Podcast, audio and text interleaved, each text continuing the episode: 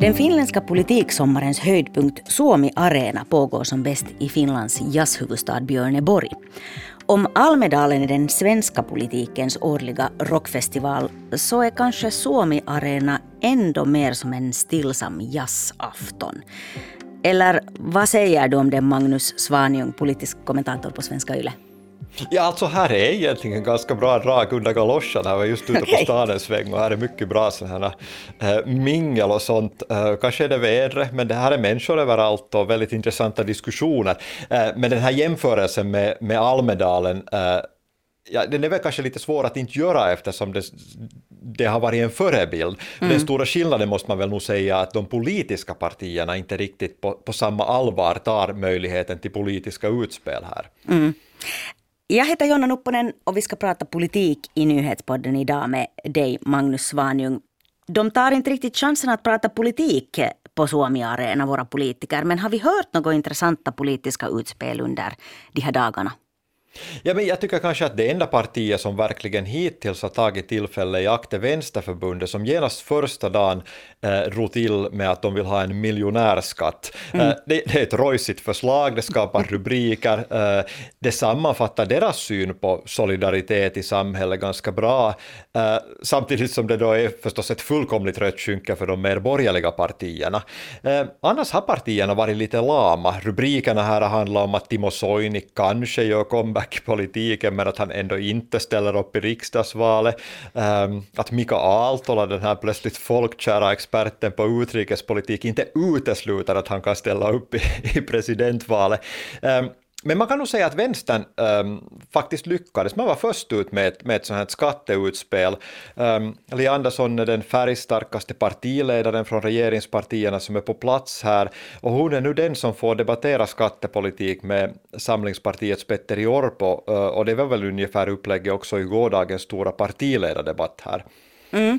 För det har ju då eh, trots allt hållits en partiledardebatt där i Suomi Arena. Och även om inte då alla partiledare deltog så fanns det ändå flera på plats. Där fanns som du nämnde då Vänsterförbundets eh, Li Andersson, Grönas Maria Ohisalo från regeringen. Och från oppositionen fanns både Samlingspartiets Petteri Orpo och Sannfinländarnas Rika Purra eh, och deltog i den här debatten. Men, men blev det någon verklig debatt när både statsminister Sanna Marin och centerledaren Annika Saarikko saknades?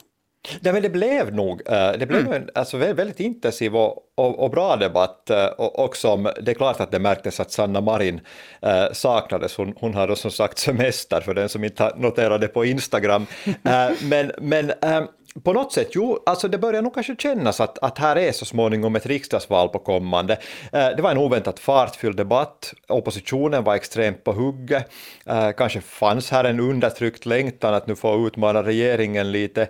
Eh, mest skruv tog det när Samlingspartiet, Sannfinländarna och Kristdemokraterna anklagar regeringen för att inte göra allt för att rädda skattebetalarnas pengar i Tyskland. Mm. Um, och då handlar det alltså om, om statsbolaget Fortums uh, idiotaffärer där och hur man pumpar in miljarder i dotterbolaget Uniper uh, som då har satsat allt på billig rysk gas. Um, det här är nu kanske inte en politisk fråga där någon går fri, hela affären gjordes ju upp under den förra borgerliga regeringen, men här mm. pågår nu en pajkastning där man anklagar Ähm, varann. Ähm, men i sak är det nog kanske skattepolitiken som delar partierna mest och som finns på ytan nu. Ähm, det står klart att man har väldigt olika recept för hur man vill hjälpa människor att klara sig när priserna på mat och energi nu stiger och möjligen kommer att stiga väldigt mycket i höst. Mm. Och det blev ju uh, någonting av en skattesänkarstafett i den här partiledardebatten. Även om nu Vänsterförbundet uh, var ute för några dagar sedan med den här sin miljonärskatt så uh, ville Vänsterförbundets Li Andersson sänka skatter i partiledardebatten. Alltså enighet i skattepolitiken från vänster till höger, det kan man nu kanske ändå inte tala om. Eller? Ja, alltså alla vill nu med olika skattesänkningar hjälpa folk att få vardagen och ekonomi att, äh, ekonomin att gå ihop. Mm. Äh, men som alltid med skattepolitik så kommer ju de politiska färgerna extra tydligt fram på något sätt. Äh, vänstern som har lyckats ta ganska mycket initiativ här med konkreta förslag vill till exempel sänka momsen på mat.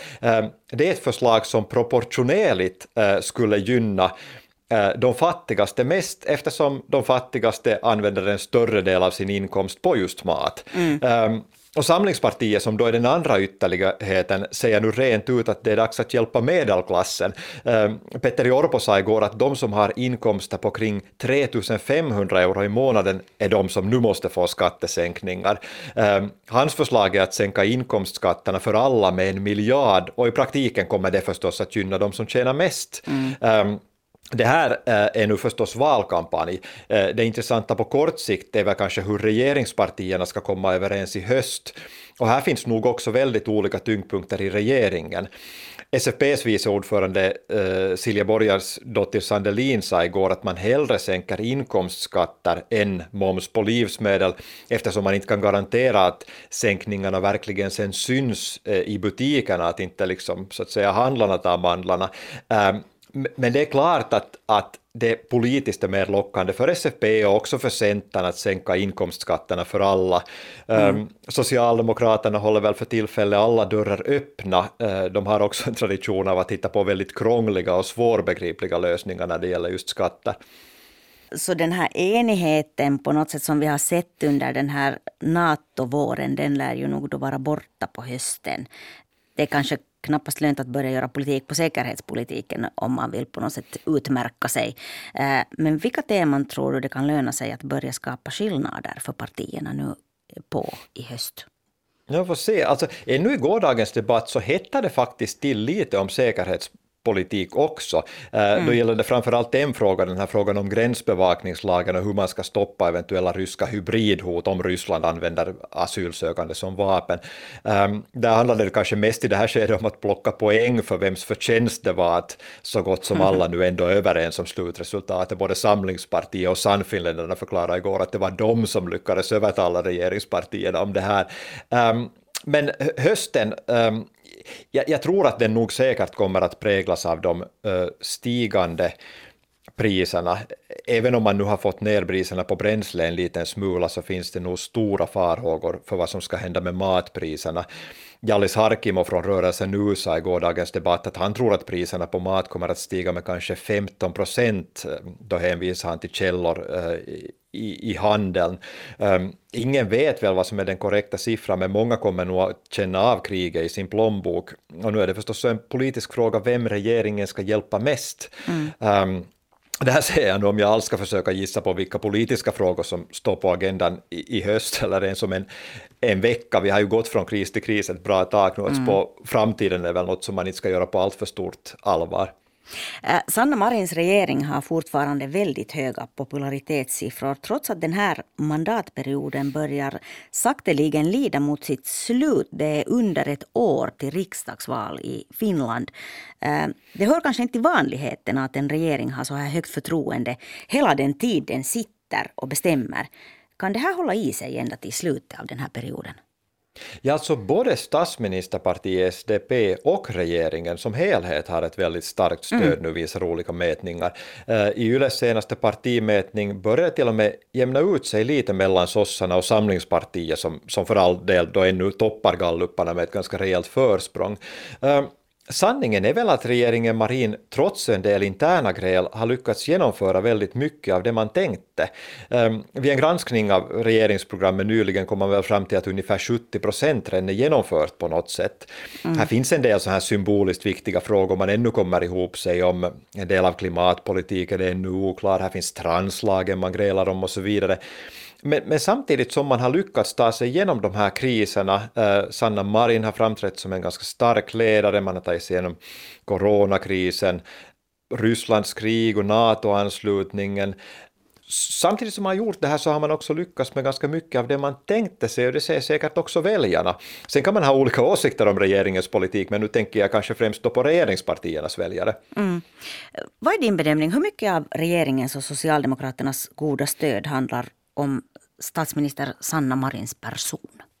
Ja, finländarnas bedömning tycks vara att det handlar om Sanna Marins person. Det kom just en mm. mätning som visar att, att var det 60 procent av finländarna tycker att hon är den politiska ledare som är mest till nytta för sitt eget parti.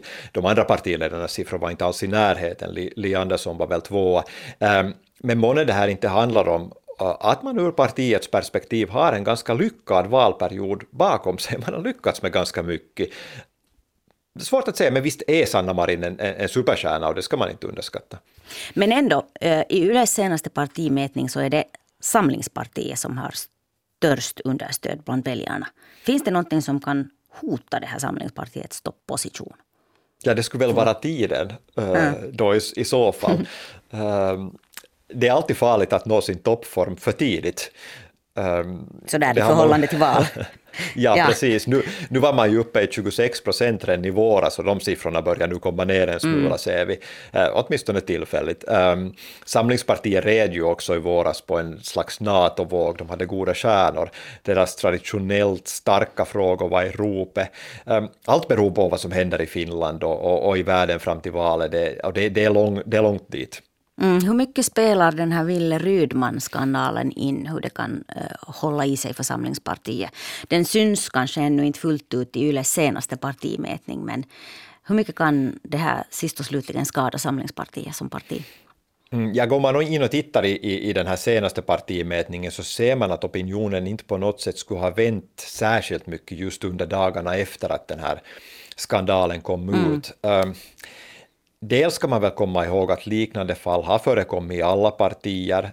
Um, och det har också kommit ut att det finns en liknande tystnadskultur inom andra partier när media nu har talat med olika politiska ungdomsorganisationer eh, till exempel. Men det handlar om hur man tar tag i de här frågorna. Um, visst var det stora i den här skandalen kanske det att man uttryckligen uh, vetat om det här inom Samlingspartiets ledning, att man hållit det hemligt och tystat ner det i mm. Samlingspartiet. Mm. Fler sådana skandaler har man nog inte råd med.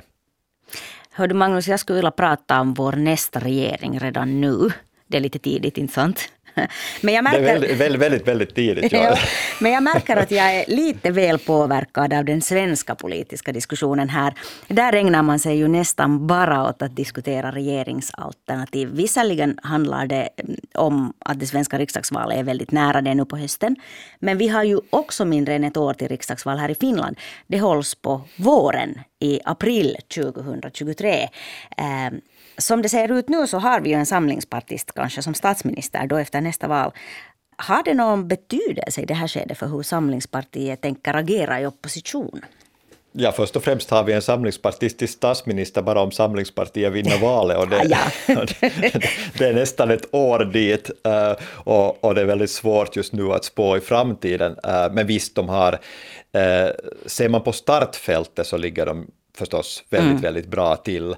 Um, Samtidigt så det finns ju en tradition eh, i Finland av att hålla alla dörrar öppna ända fram till valet, eh, samtidigt som de stora partierna kör sitt eget race. Det är klart att eh, det som Samlingspartiet säkert undviker är att ta allt för tydlig ställning till olika regeringsalternativ och vem man kan regera med.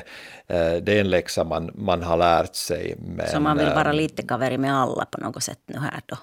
Det är den mm. finska traditionen och, och, samtidigt, det här har ju funnits ibland ett, ett sånt här visst tryck på att man borde gå ut med lite tydligare regerings, möjliga regeringskoalitioner inför valet, till exempel Vänsterförbundet har, har inför riksdagsval tala för en, en sån här lösning, kanske mera enligt en svensk modell. Samtidigt så tror jag att när man nu ser på de svårigheter som finns i, i svensk politik så uh, aktar nog sig de, de flesta politiker och bedömare för, för ett sådant system. Det har hörts vissa sådana viskningar redan nu eh, om att nästa regering i Finland borde vara blå-röd, det vill säga Samlingspartiet och Socialdemokraterna i samma regering. Eh, vad säger du om det? det jag säger att nästa, regeringen, nästa regering kan ha precis vilka, vilka färger eh, som helst. Uh, alla, alla dörrar kommer att hållas öppet ända fram till valet. Jag har väldigt svårt att tro någonting uh, annat. Mm. Tack så mycket Magnus Svanjung för den här analysen på plats i Björneborg och Suomi Arena. Tack. Jag heter Jonna Nupponen och du har lyssnat på nyhetspodden från svenska YLE. Producent idag är Peter Sjöholm. Tekniken den sköttes av Max Kivivuori. Fortsätt lyssna på oss.